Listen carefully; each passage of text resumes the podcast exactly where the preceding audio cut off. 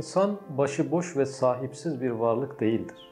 Onun her türlü niyet, davranış ve eylemleri kayıt altına alınmaktadır. İnsanın başından geçen en küçük hadiseler bile tam bir dikkatle takip edilir ve tas tamam kayda geçer.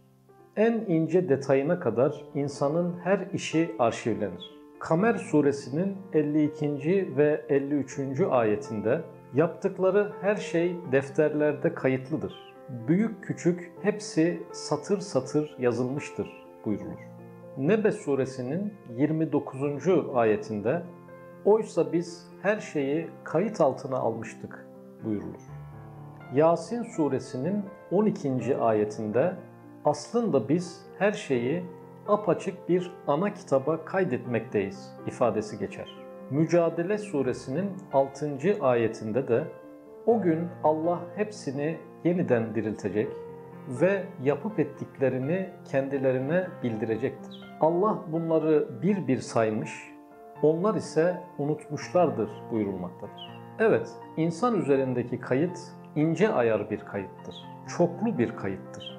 Farklı formatlarda bir kayıttır. Kesintisiz ve kusursuz bir dikkatle yapılan bir kayıttır. En yüksek nitelikte bir kayıttır. İnsan üzerindeki ilahi kayıtların insana önceden bildirilmiş olmasının bir hikmeti, insanı eylem ve davranışları konusunda özen göstermeye ve sorumluluk duygusu taşımaya yöneltmektir. Onun bu bilgiyi hep hatırlaması ve her adımını ileride hesap vereceği bilinciyle atmasıdır. Bu bilginin insanın her davranışına yön veren bir bilgi olması hedeflenmiştir.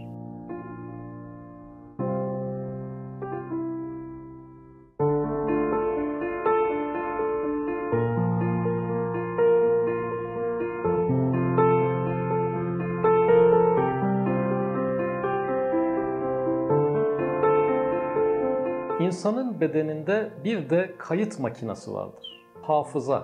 Hafızası insanla ilgili her şeyi kaydeder.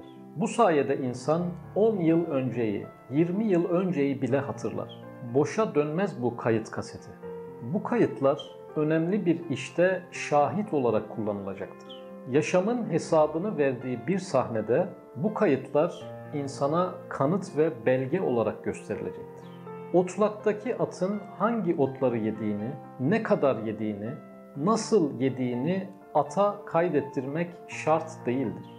Onun işi hesap vermek değil, doymaktır. İnsanın işi ise hesap vermektir. İnsanın ne yediği, nereden kazandığı, nasıl yediği, işte bu yüzden insana ve çevresindekilere kaydettirilir. Bu kayıt bir muhasebe ve değerlendirme zamanı içindir. İnsanın tek bir anı bile zayi edilmez. Niyet ve düşünceleri bile kayda geçirilir. Depolanmış ve kaydedilmiş bu bilgilerin bir değerlendirmeye tabi tutulması, ilahi ilim, hikmet, irade ve kudretin bir gereğidir.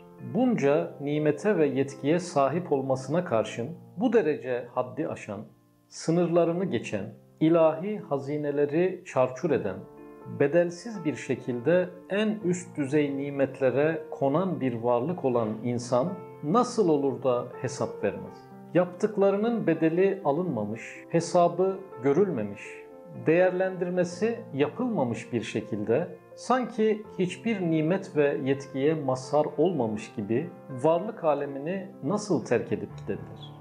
Peygamber Efendimiz sallallahu aleyhi ve sellemin bildirdiğine göre kıyamet gününde insan beş şeyden hesaba çekilmedikçe Rabbinin huzurundan bir yere ayrılamaz. Ömrünü nerede ve nasıl geçirdiğinden, gençliğini nerede yıprattığından, malını nereden kazanıp nereye harcadığından, bildiği ile amel edip etmediğinden hesaba çekilecektir. Nasıl olursa olsun eninde sonunda yok olacaksın. Hesap vermeksizin, sorguya çekilmeksizin, bir bedel ödemeksizin yok olacaksın düşüncesi, insanı dünyada alabildiğine bohemliğe salan, sorumluluklarını yerine getirmemesine sebep olan, hatta onu çeşitli suçlara teşvik eden hastalıklı bir düşüncedir. Hesabını zaten vermeyeceği bir yaşamda İnsandan doğru ve istikametli yaşamasını beklemek, insan realitesini göz ardı etmek demektir. Hayatın doğru, dürüst, ahlaklı, adaletli yaşanmasını sağlayan temel etkenlerden biridir. Yaşanan her anın hesabının verileceği düşüncesi. İnsan her eylemini hesabını vereceği düşüncesiyle o eylemi Allah'ın yeniden değerlendireceği inancıyla ancak özenle yapabilir.